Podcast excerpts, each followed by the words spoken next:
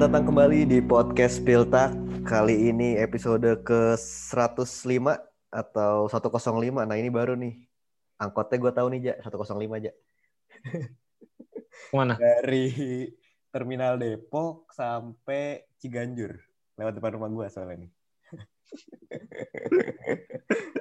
Eh, penting ya informasi penting, penting. Udah lama-lama jokesnya itu mulu bosan ya. Eh, hari ini seperti biasa episode Spiltak reguler masih bersama gua Gerhan dan juga ada Reja. Ja, gimana kabarnya, Ja? Ya, eh, melelahkan. Apalagi setelah Melelahkan melelahkan mengikuti Liga Inggris. Oh. Apalagi setelah ini ya, kita kebakaran jenggot karena kalah debat di Twitter, Ja. Gimana tuh, Ja? iya, kalah sama kalah kebakaran jenggot sama yang akunnya cuma 20. Wah, sulit. sulit, sulit, sulit. Sulit sekali terima itu kekalahannya. Kalau lu gimana, Dri? Apa kabar, Dri? Uh, kabar baik. Uh, Sebenarnya minggu yang menyenangkan sih. Minggu minggu kemarin sama minggu inilah. Semoga hasil-hasilnya tuh membuat mood naik gitu. Minggu yang menyenangkan karena title race di Bundesliga sudah terlihat lagi nih hilalnya setelah tadinya kan mungkin kita udah secepat sempat awan ya.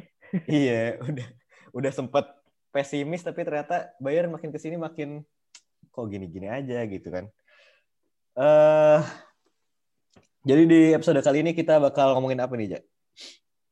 Di segmen pertama tentu kita bakal ngebahas mengenai title race dari the most competitive league in Europe. Yoi. Ya. Apa tuh? Sebenarnya gue pengen ini sih pengen apa ya klarifikasi dulu dikit.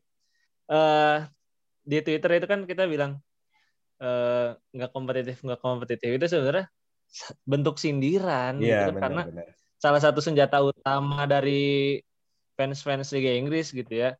Ya nggak nggak semuanya cuman yang menyerang League One terus Bin- Bundesliga, Serie A kan katanya nggak kompetitif karena persaingan juaranya udah ditebak dan karena lagi ada momennya aja terus kembali gitu eh, Premier League tiba-tiba bedanya 10 poin sedangkan tiba-tiba liga lain jadi mendekat dengan peringkat pertama jadi emang lagi momennya aja ya padahal liga Inggris iya. ini juga seru banyak ganti-ganti kan peringkat satunya Ya kita kan ini aja ja, kita ngam- ngambil istilah dari orang-orang di netizen aja gitu kan. Kalau menurut mereka yang nggak yang kompetitif itu yang persaingan juaranya seru gitu ya. Jadi kita bilang ini kompetitif. Iya. Padahal sih kalau menurut gue kompetitif kan Iya. bisa di segala lini ya, bisa di papan tengah, papan bawah. Itu menurut gue kompetitif juga. dan banyak yang kepancing ya Banyak yang kepancing. Gue sampai, aduh gue sampai jam berapa? Jam 3 sore udah, ah udahlah, udah nggak usah balas-balasin, nggak usah gue baca-bacain. Males banget. Eh, itu tadi kita bakal ngomongin title race di segmen pertama, tapi di segmen kedua kita bakal ngomongin yang lagi diperdebatkan juga. Ada duel generational talent yang digadang-gadang. Ada Erling Haaland dan Mbappe. Ini kita akan melakukan versus lah. Kira-kira seperti apa? Apakah Haaland dan Mbappe ini bakal menjadi apa namanya seperti Messi dan CR di tahun-tahun ke depan gitu kan dan apakah Haaland satu-satunya generational talent yang pernah diproduksi Bundesliga? Nah kita bakal bahas itu tapi seperti yang tadi dibilang di segmen pertama kita bakal ngomongin title race nih. Eh Bayern secara mengejutkan kalah dari Frankfurt kemarin memotong dua poin dari RB Leipzig juga. Sekarang jadinya poin Bayern berapa sih? 49 ya? Berapa sih kalau nggak salah? 49 ntar gue cek dulu iya 49 49 ya bener 49 terus RB Leipzig di posisi kedua 47 ini makin ke sini Bundesliga makin seru nih Dri gimana menurut lu Dri? Eh, sebenarnya hanya dengan apa dua pertandingan ya bisa kepangkas lumayan banyak.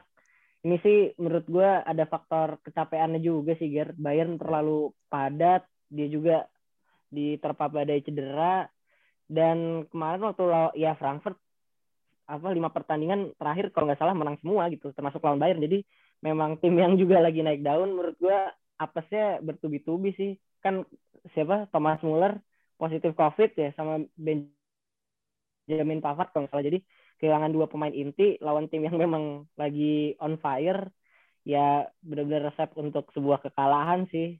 Tapi kalau dibilang apakah Bayern menurun jauh sih, gue rasa masih belum terbukti lah ya. Toh mereka juga masih unggul dua poin sih, gitu. Kalau dari pertanyaan kemarin ya, mungkin lo mereview sedikit kira-kira kenapa nih Bayern kalah nih kemarin?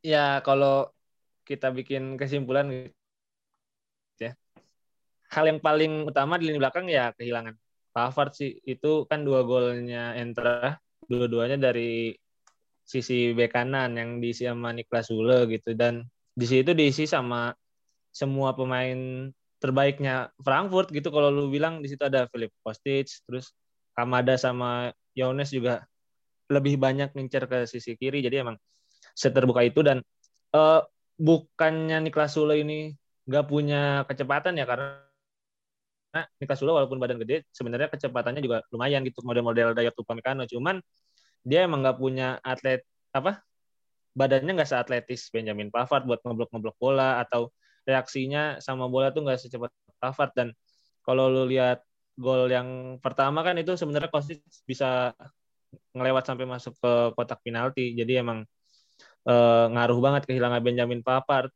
Pak Pavard kan jadi Benjamin Benjamin Pavard nih kerasa banget. Jadi walaupun Pavard sebenarnya musim ini juga nggak mental bagus ya tapi ketika dia absen eh, Bau Nasar sejauh ini nggak bisa ngasih sesuatu yang signifikan terus akhirnya kelas dulu dipaksain di situ. Kalau lu mau geser Joshua Kimmich ke bek kanan stok gelandang lu juga habis karena kemarin juga sampai main Makroka jadi emang Bayern di situasi yang serba salah dan ini gua rasa harus segera ditemuin gitu apa eh, solusinya karena kalau lu lihat Bayern dari pekan ke pekan nih mulai ada penurunan kan selama ini mereka bisa cetak gol banyak dan menutupi kekurangan mereka selalu kebobolan. Nah, sekarang kehilangan Thomas Muller juga jadi kreativitas lini depannya juga sangat terbatas menurut gua. Benar-benar. Gua gue juga setuju sih emang kalau kita lihat secara squad kita dari awal musim udah bilang juga kan gimana kita memasukkan Bayern sebagai salah satu losers di bursa transfer karena ya kita lihat sekarang hasilnya nih injury crisis banyak banget yang cedera dan ya pelapisnya nggak sebanding dengan ini sih dengan kualitas squad utamanya walaupun ya tetap aja kalau dibandingkan dengan tim lain ya beda juga sih. Uh, cuman yang menarik ini dari pesaingnya Bayern saat ini tuh di papan atas, terutama top 4 lagi ada tiga tim lah. Selain Bayern ya, selain Bayern, lagi ada tiga tim yang bisa dibilang lagi sangat konsisten di lima atau enam pekan terakhir. Itu ada posisi kedua Eintracht dengan 47 poin, ketiganya ada eh posisi kedua RBL sorry. RBL 47 poin, posisi ketiga Wolfsburg 42 poin. Dan keempat Eintracht 42 poin. Nah, dari tiga pesaing ini nih, Ja, menurut lu siapa yang benar-benar real threat gitu buat Bayern sehingga menjadi apa namanya ya? Title race itu antara tim yang mana gitu yang dengan Bayern? Kalau kita secara otak yang apa? Secara pemikiran yang jernih gitu ya. uh, tentu harusnya RB Leipzig kan cuman gue jujur gue nggak ngerasa RB Leipzig ini punya mentalitas yang cukup buat jadi juara karena uh, di saat-saat krisis pasti mereka selalu kepleset gitu dan baru baru kemarin doang ketika Bayern kepleset mereka kira bisa take advantage dan menang lawan Hertha karena sebelum-sebelumnya setiap Bayern kepleset RBL nih kalah sama tim-tim yang nggak disangka-sangka gitu. Hmm. Harusnya sih RBL nih sekarang secara hitung-hitungan harusnya udah di atas Bayern gitu karena Bayern juga beberapa kali kepreset. Kalau gue justru ngelihat Wolfsburg atau Eintracht nih kalau misalnya kita lihat beberapa momen terakhir di mana Bayern nggak juara kan kayak tim-tim kayak Stuttgart terus kayak Wolfsburg juga uh, secara mengejutkan bisa naik di putaran kedua gitu dan gue ngeliat Eintracht dan Wolfsburg ini punya sesuatu yang uh, ada di tim-tim yang juara saat itu gitu. Wolfsburg sekarang tiba-tiba nggak kebobolan enam pertandingan gitu terus Eintracht Frankfurt ini tiba-tiba juga jadi tim yang sangat bagus di lini depan. Jadi kalau misalnya ada yang bisa ngegoyang band dari juara gue justru lebih ngejagoin Wolfsburg atau Eintracht. Gue nggak ngerasa RBL bakal juara sih. Ya gue sebenarnya gue juga secara subjektif ya. Subjektif tuh yang yang ke kita kan ya. Yang menurut pribadi kan ya Iya, Iya, benar. secara subjektif sih gue juga lebih ke Wolfsburg ya kalau lu condong ke siapa Dri?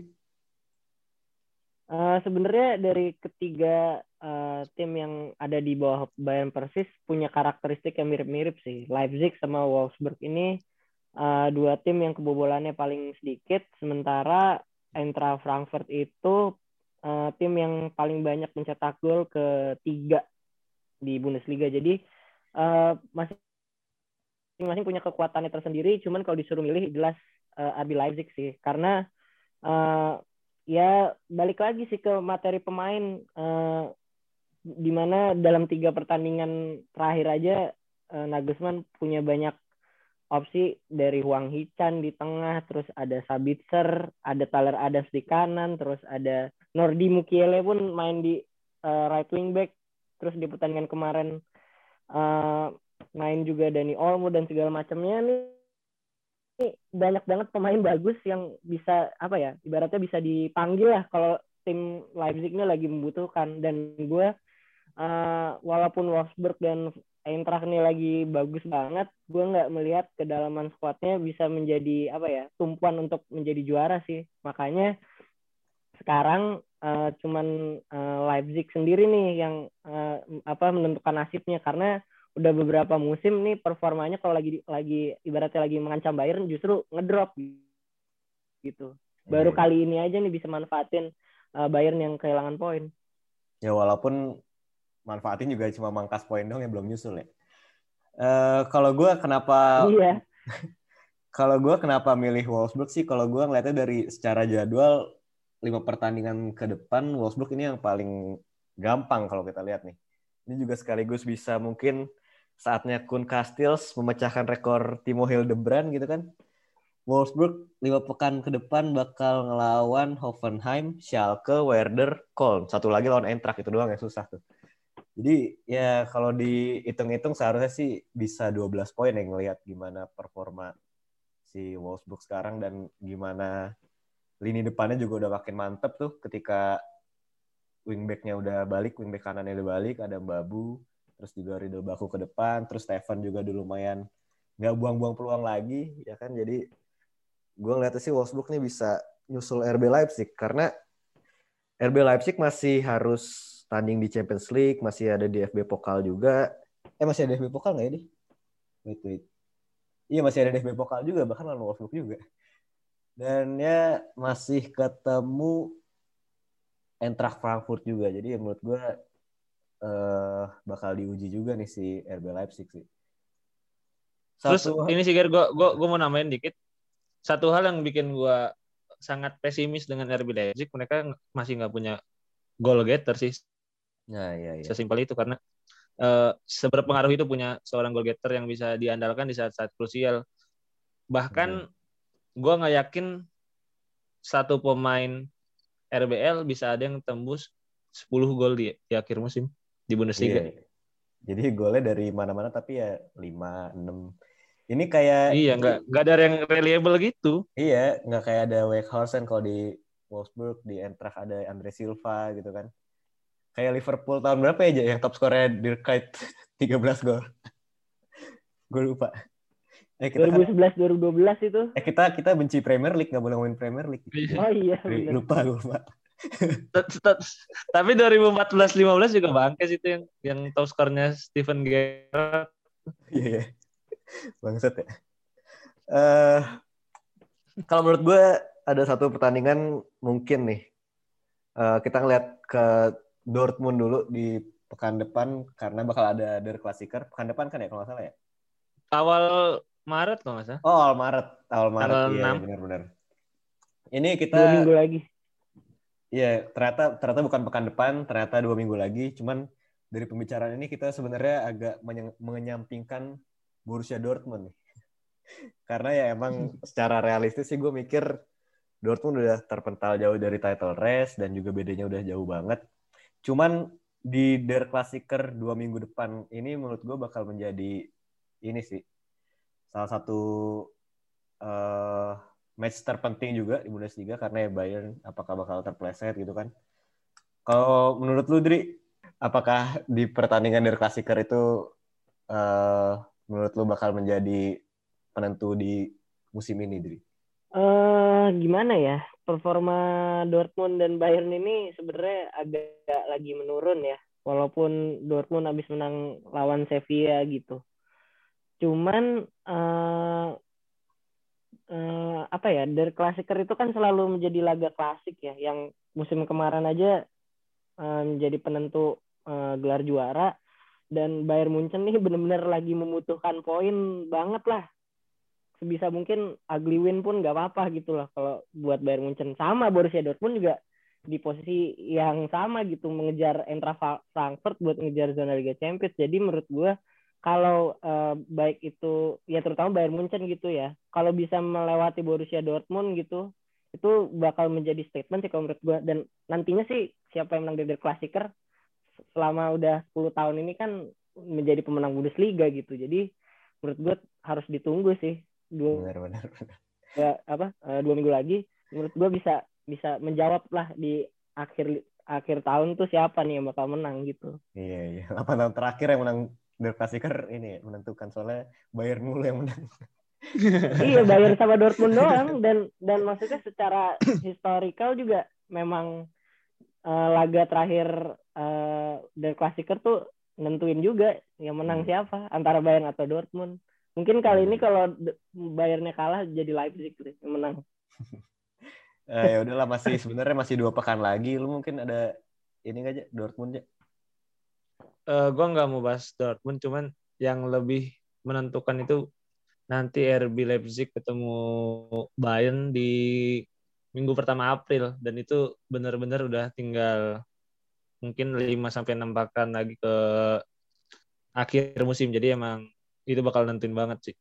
Iya, semoga kita nggak ngejinx ya title race ini. Gue sangat sangat berharap kalau Bundesliga musim ini bisa diakhiri eh diakhiri maksudnya ditentukan di pekan-pekannya dua pekan terakhir atau satu pekan terakhir sih kalau bisa kan. Eh, at least pekan pekan 32 lah ya paling cepat iya, Bayern iya. juara biar enggak iya.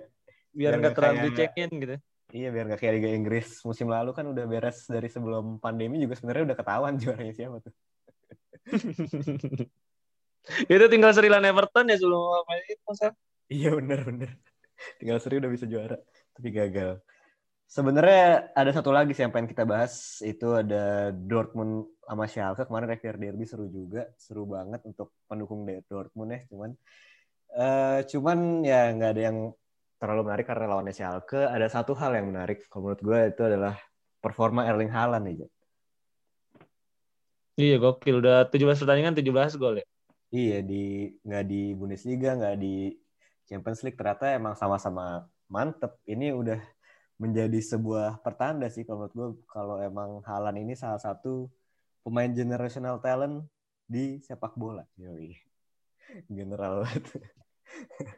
jadi dan ini yang jadi perdebatan yaitu adalah bagaimana generational talent antara Halan akan menimbulkan konflik kah dengan salah satu generational talent lainnya itu Mbappe. Nah, kita bakal bahas di segmen kedua.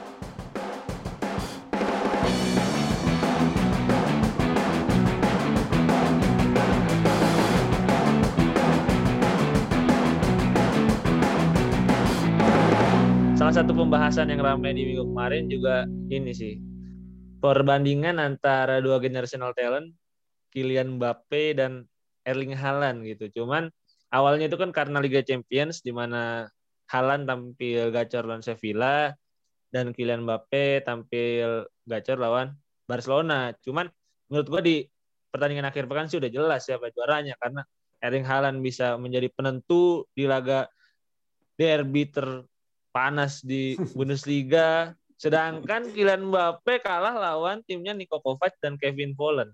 Jadi kalau gue sih tim Halan. Kalau kalau lu Ger tim tim Halan tim Mbappe. Kalau gue ya jelas karena kita Bundesliga represent ya kan kita jadi harus menjunjung tinggi Erling Haaland. Setuju, gue juga tim Haaland. Tapi sebelumnya ini sih, Kalau kita ini dulu mungkin apa namanya apa itu generational talent gitu kan mungkin banyak yang nggak tahu gitu. Ntar dulu Adri Adri. Tim oh, iya. Halan tim Mbappe? Pasti tim Halan sih. Wah itu tidak usah ditanya ya sebenarnya. Pasti ya, Erling Haaland. Dong tadi kan? Emang emang generational talent apa Ger? Apa? Gue juga gue gue gue sebenarnya nggak tahu apa namanya yang pengertian aslinya kayak ini bikinan-bikinan media doang sih. Cuman kalau dari sepenangkapan gue generational talent ya uh, talenta yang hadirnya cuman dalam satu dari seribu lah dari berapa talenta gitu kan. Yang jadi mungkin dalam satu dekade terakhir cuma satu pemain yang kayak dia gitu yang long lasting juga mungkin bisa dibilang ya.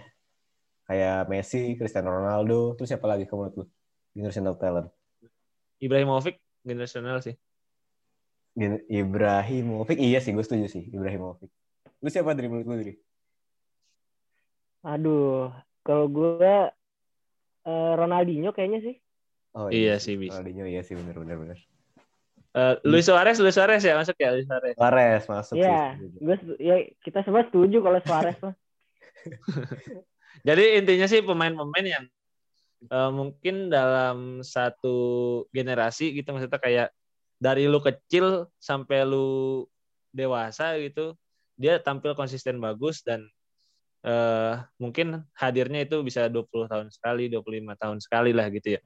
Dan menurut gua sih Erling Haaland dan Kylian Mbappe ini bisa dibilang generational talent sih karena yang pertama mereka udah bisa menorehkan banyak prestasi di usia muda gitu. Mbappe udah juara dunia, Haaland berprestasi uh, menjadi runner up Bundesliga ya Dria. Loh itu susah loh. Jadi eh, enggak maksudnya Halan catatan rekornya tuh enggak kayak yang Bojan Kerkic gitu cuman di level junior bagus ketika masuk senior jelek. Jadi kalau Halan tuh justru di juniornya nggak terlalu mencolok tapi sejauh ini kalau kita lihat musim ini aja 17 pertandingan 17 gol di Bundesliga terus di Champions League. Dia cuma main 14 pertandingan seumur hidupnya tapi udah cetak 18 gol gitu. Dan itu uh, mungkin dua atau empat gol lagi dia udah masuk 50 pencetak gol terbanyak Liga Champions gitu. Dan gue rasa Erling Haaland udah cukup membuktikan lah di umurnya yang baru 20 tahun ya tahun ini ya. Eh 21 tahun tahun ini ya. Kalau menurut lu Dri apakah dua talenta ini sudah bisa dikatakan generational talent? Kalau untuk hal ini gue bisa bilang iya sih karena statistik di apa ya level profesional ya kita ngomongin bukan tim junior, tim U19, U17 dan segala macamnya ya. Karena misalnya aja nih Erling Haaland tuh pengen sampai ngedepak Paco Alcacer gitu. Yang udah main di Valencia, udah main di Barcelona, di Dortmund juga bagus. Dan itu dia di kick gitu aja untuk ngedatengin Erling Haaland gitu. Dan ya nggak nggak apa ya nggak mengagetkan juga karena hasil yang didapat Dortmund juga luar biasa bagus sih. Total di Bundesliga kayak tadi lu bilang udah 30 gol dari 32 pertandingan. Di Liga Champions musim ini aja udah cetak 8 gol. Dan uh, bener-bener apa ya uh, ngebawa Dortmund lah tuh waktu lawan Sevilla tuh kelihatan banget lah kenapa dia generational talent gitu. Sedangkan kalau Kylian Mbappe uh, udah dari empat musim yang lalu ya, waktu gue nonton Dortmund lawan Monaco tuh ya memang sudah kelihatan jelas lah bahwa ini orang uh, lain dari yang lain lah, talenta-talenta muda sebelumnya yang di Prancis tuh banyak banget gitu. Dan mungkin kalau Kylian Mbappe tuh udah menang Piala Dunia sih itu yang ngebuat dia udah bisa dibilang secara resmi udah menyaingi udah selevel lah sama Ronaldo dan Messi bahkan Ronaldo dan Messi aja nggak bisa menang Piala Dunia kan di umur dia yang udah senior sekarang gitu. Dan mungkin Erling Haaland cukup sulit sih kalau buat juara dunia dia bareng Martin Odegaard, bareng siapa lagi sih? Eh Mats Rune-. Detti, Rune Jarstein. Rune Jarsten. sulit, sulit kayaknya cukup sulit ya. Cuman, sulit, sulit. eh, cuman gue setuju, gue setuju emang secara rekor, secara catatan mereka eh, sangat baik di kelompok usianya sekarang bahkan jika dibandingkan dengan para pemain senior. Cuman menurut lu apa Ger yang bikin kedua pemain ini secara teknik atau secara skill spesial? Kalau secara teknik ya ini mungkin karena sama-sama ini ya, sama-sama pemain depan, jadi kita mungkin mengukurnya pada ininya sih, pada rate conversion rate dari golnya, gol per permainannya berapa gitu kan. Dan ya kalau ngelihat permainan di lapangan sih kita lihat gimana dua pemain ini udah berada di top level sejak eh, usia segini gitu menurut gue jadi itu yang menjadi orang-orang menginginkan lah mendambakan bahwa ini bakal jadi eh, seperti CR7 lawan Messi gitu kan walaupun ya bisa dibilang lagi ini salah satu gorengannya media juga sih. Cuman yang menarik kemarin tuh ini ja. Pas Mbappe hat-trick kan lawan Barca terus sehari setelahnya Halan golin dua ya kalau nggak salah ya lawan Sevilla. Itu si Halan Iya. bilang kalau emang dia termotivasi dari hat-trick Mbappe dan ini ya udah jadi makanannya media banget kan gimana. Wah ini bisa nih mungkin bakal jadi the next CR7 lawan Messi. Cuman kalau dari persaingan yang itu ya kalau menurut gue gue agak enak juga sih kalau ngelihat gimana Messi lawan CR tuh fanboysnya bener-bener wah tai sih. Lu buka Twitternya gol buka Twitternya Bleacher Report isinya Penaldo is bla bla bla Pessi feeling dangerous bla bla bla gitu. Anjing malas banget kan. Cuman ya menurut gue ya ini emang secara teknik secara skill emang punya potensi sih untuk ke sana menurut gue dan mereka tuh benar-benar effortless gitu loh masuk ke tim senior ngelawan pemain-pemain yang mungkin eh, 15 tahun 10 tahun lebih tua gitu dan kayak mereka udah bermain di level senior sepanjang hidupnya gitu kayak Erling Haaland tuh Mhm. dengan badan besar eh, punya power bagus banget dia bisa kan salah satu hal yang mungkin eh, membuat para pemain junior gitu sulit untuk beradaptasi di level senior kan mungkin salah satunya fisik gitu dan Erling Haaland nih benar-benar emang dia dibentuk gitu menjadi atlet dan emang kayak bukan orang gitu kayak cyborg gitu dan iya iya iya.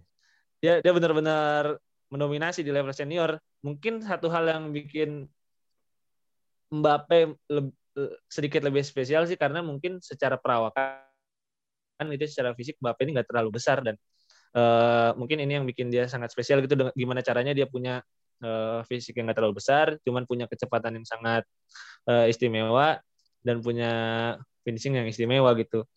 Eh, kalau kita bicara yang pemain-pemain effortless gitu di usia seumuran Mbappe dan Haaland menurut lu siapa lagi Ger? Ada nggak sih generational talent nih saat ini?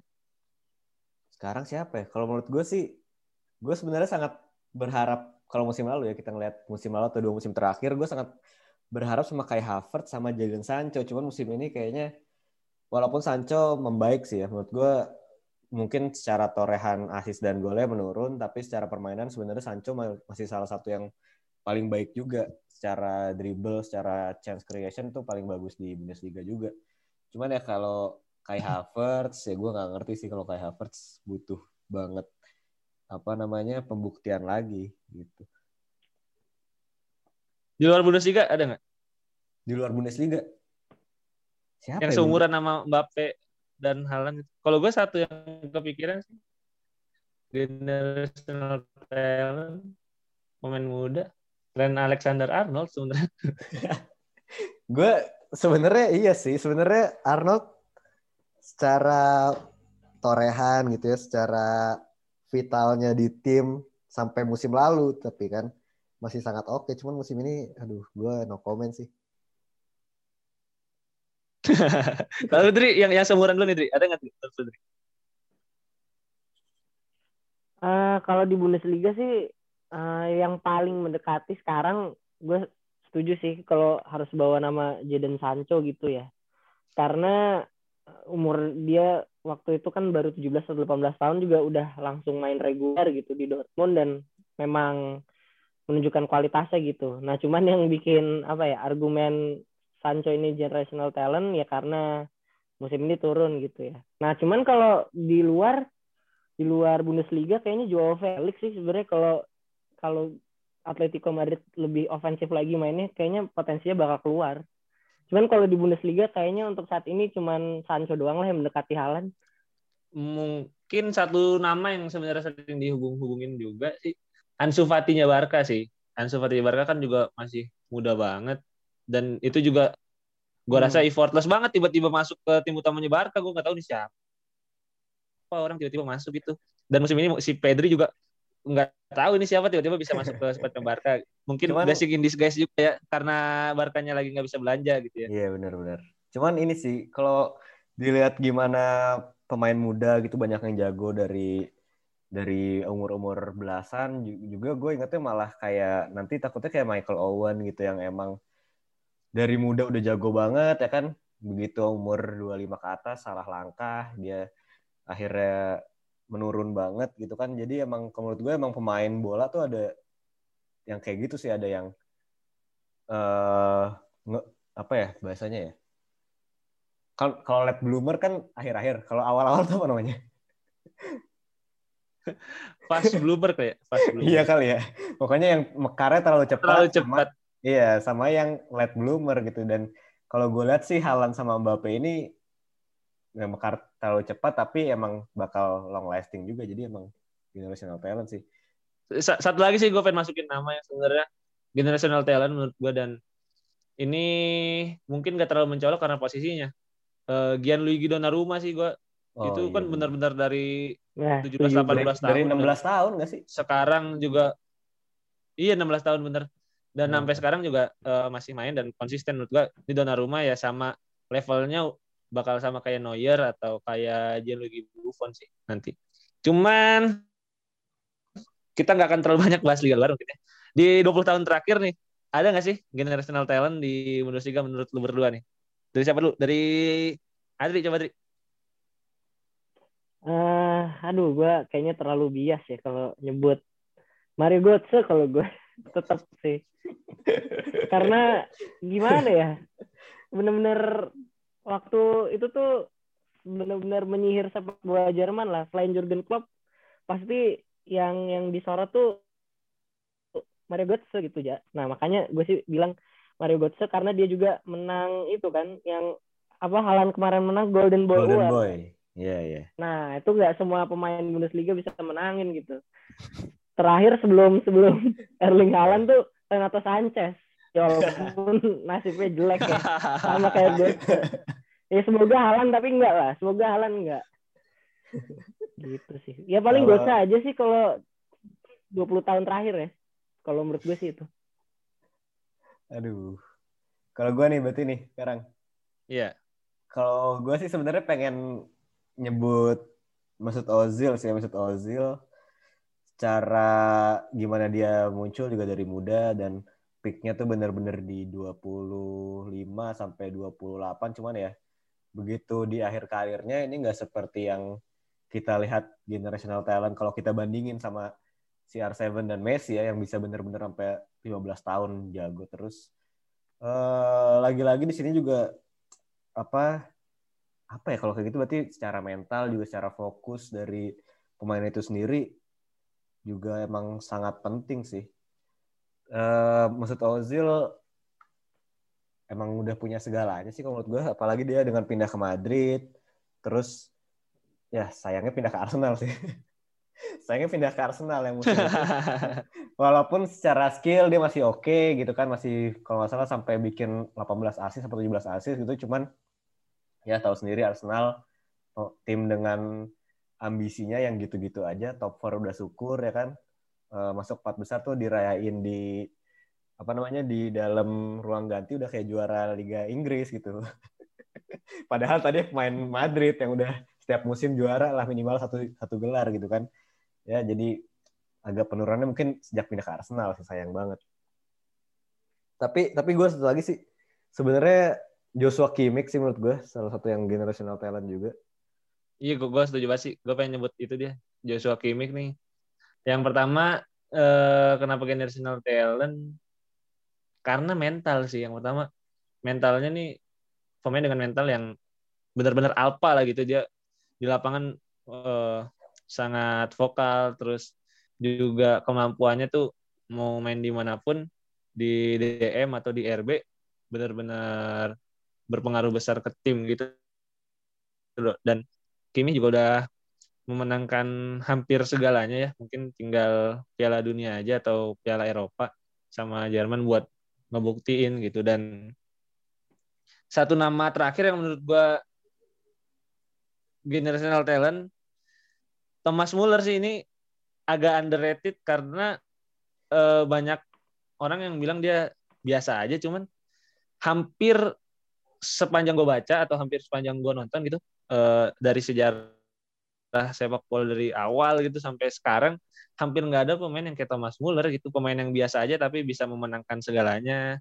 Pemain yang biasa aja tiba-tiba jadi top skor pemain yang biasa aja tiba-tiba jadi top assist gitu. Dan itu nggak bisa dilakukan oleh sembarangan orang gitu. Dan menurut gua 20 50 tahun lagi juga lu sulit gitu menemukan tipikal pemain yang sangat efektif kayak Tom Mas Muller gitu. Dan dia juga naiknya kan udah dari muda gitu dari muda dia udah jadi pemain terbaik Piala Dunia sampai jadi top skor Piala Dunia juga dan uh, mungkin beberapa orang masih banyak yang nggak ngeret Thomas Muller tapi menurut gue pribadi Thomas Muller ini salah satu generational talent terbaik yang pernah dimiliki Jerman.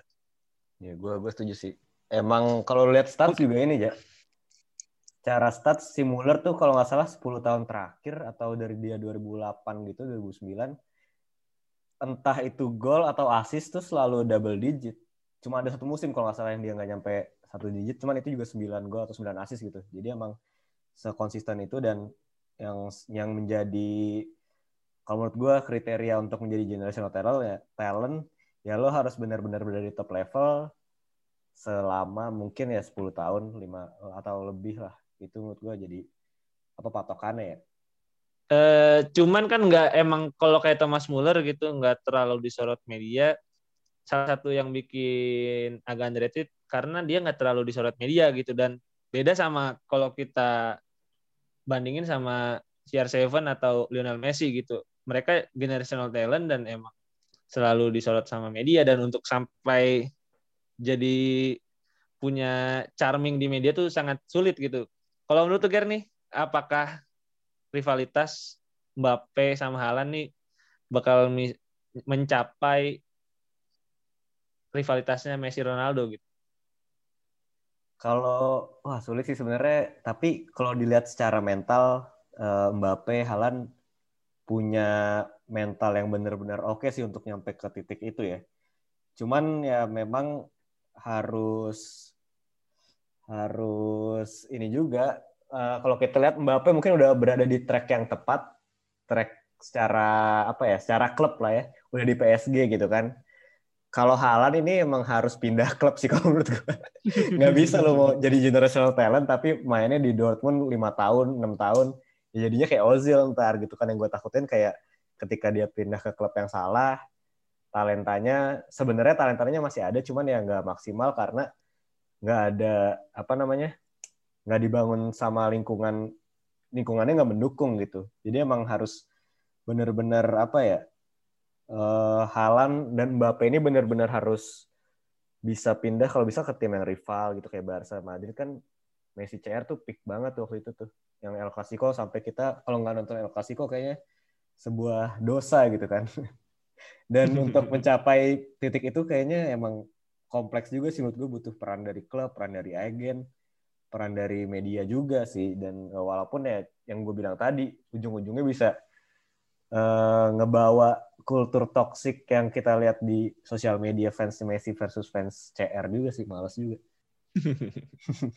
dan dan emang untuk mencapai rivalitas itu juga eh, bahkan Neymar juga kan maksudnya salah satu generational talent juga di saat ini gitu yang masih aktif juga nggak nggak bisa mencapai itu. Karena satu hal yang harus digarisbawahi untuk bisa mencapai rivalitas itu harus jadi alpha di timnya gitu. Dan waktu Yeah, itu kan salahnya itu. Neymar sempat jadi ibaratnya tangan tangan kanannya Messi lah ketika di Barca. Dan itu yang akhirnya membuat Neymar juga pindah ke PSG mungkin kasusnya mirip eh, Kyrie Irving dan LeBron James ya Tri? Iya benar mirip dan mirip. ini juga dan juga bakal penting untuk Halan pindah ke mana karena menurut gue musim depan maksimal juga udah pindah nih Dri. menurut lu tim yang tepat yang kayak gimana Dri? Kalau dari kabar sih sebenarnya yang mau Halan tuh udah tim yang tepat sih kalau menurut gua. Real Madrid pengen Halan, Barcelona juga be- eh, kapan nih gue baca baru-baru ini juga walaupun kondisi keuangan mereka yang lagi jelek juga tetap ngincar Halan. Kalau di Inggris ada Manchester City, entah ini cuman rumor media doang atau memang ada ketertarikan yang beneran gitu dari City. Cuman gue ngelihat kalau ingin me- apa ya melahirkan rivalitas seperti Ronaldo dan Messi, gue setuju sih sama kata Gerhan. Jadi harus di tim yang jadi mereka berdua harus ada di satu liga dan di, di, di dua tim besar yang berbeda juga gitu.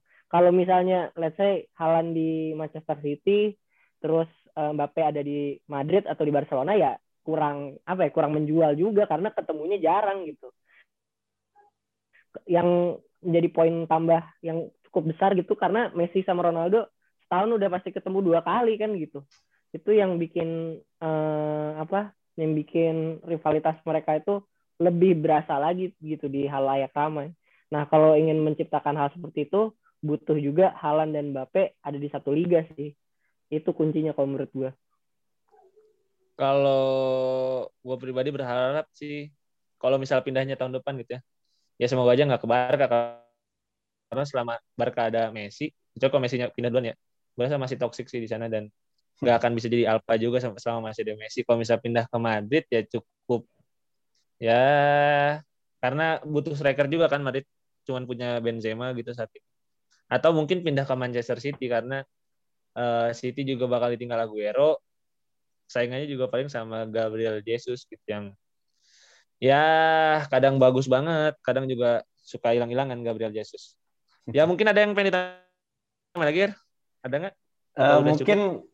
cukup sih sebenarnya, cuman mungkin kalau mau kayak gitu, mungkin opsinya Halan pindah ke AS Monaco mungkin. Aduh. Bersama Niko Kovac. Ya sih, kalau kalau gue berharapnya ya Halan nggak nggak apa-apa pindah ke Manchester City kan Kylian Mbappe katanya pengen ke Liverpool Ger. Oh bener, bisa bisa. Jadi bener-bener kita bakal uh, CR versus Messi 2.0 nih. Cuman ya udah sih kalau menurut gue sebenarnya kita nggak mesti harus uh, membanding-bandingkan siapa yang paling bagus, siapa paling jelek itu kan emang ya ada ada enaknya juga emang enjoy uh, dua-duanya aja gitu kita menyaksikan sepak bola, menyaksikan pemain hebat gitu kan. Ya, dari dari perspektif masing-masing satu satu pemain satu satu pandangan gitu menurut gue. Uh, udah sih kalau dari episode kali ini mungkin kalian punya apa namanya jawaban sendiri kan siapa yang generational talent dari Bundesliga atau ke mana gitu Halan bakal pindah nanti bisa di reply aja di Twitter atau di Instagram walaupun ini nggak pernah ada yang reply. uh, udah nggak ada tambahan lagi? Lu Dri ja. cukup. Cukup ya. Paling minggu ini Champions League udah main. Siapa sih? Bundesliga yang main? Bayern ya Bayern lawan Lazio. Terus sebenarnya yang seru oh ini Kamis dini hari City lawan Gladbach. Seru banget sih ini menurut gue nggak sabar banget gue kebantai bawahnya Gladbach eh tapi Gladbach kalau lawan tim gede di Bundesliga kan oke okay banget tuh kemarin-kemarin tuh. Ya udahlah itu masih mungkin bahasan kita di pekan depan juga atau setelah berikut berikutnya tapi di episode kali ini gitu aja. Gue Gerhan pamit. Gue Reza pamit. Gue Adrian pamit thank you banget yang udah dengerin podcast Piltak. Ngedukung podcast Piltak di sosial media juga. Sampai jumpa di episode berikutnya. Bye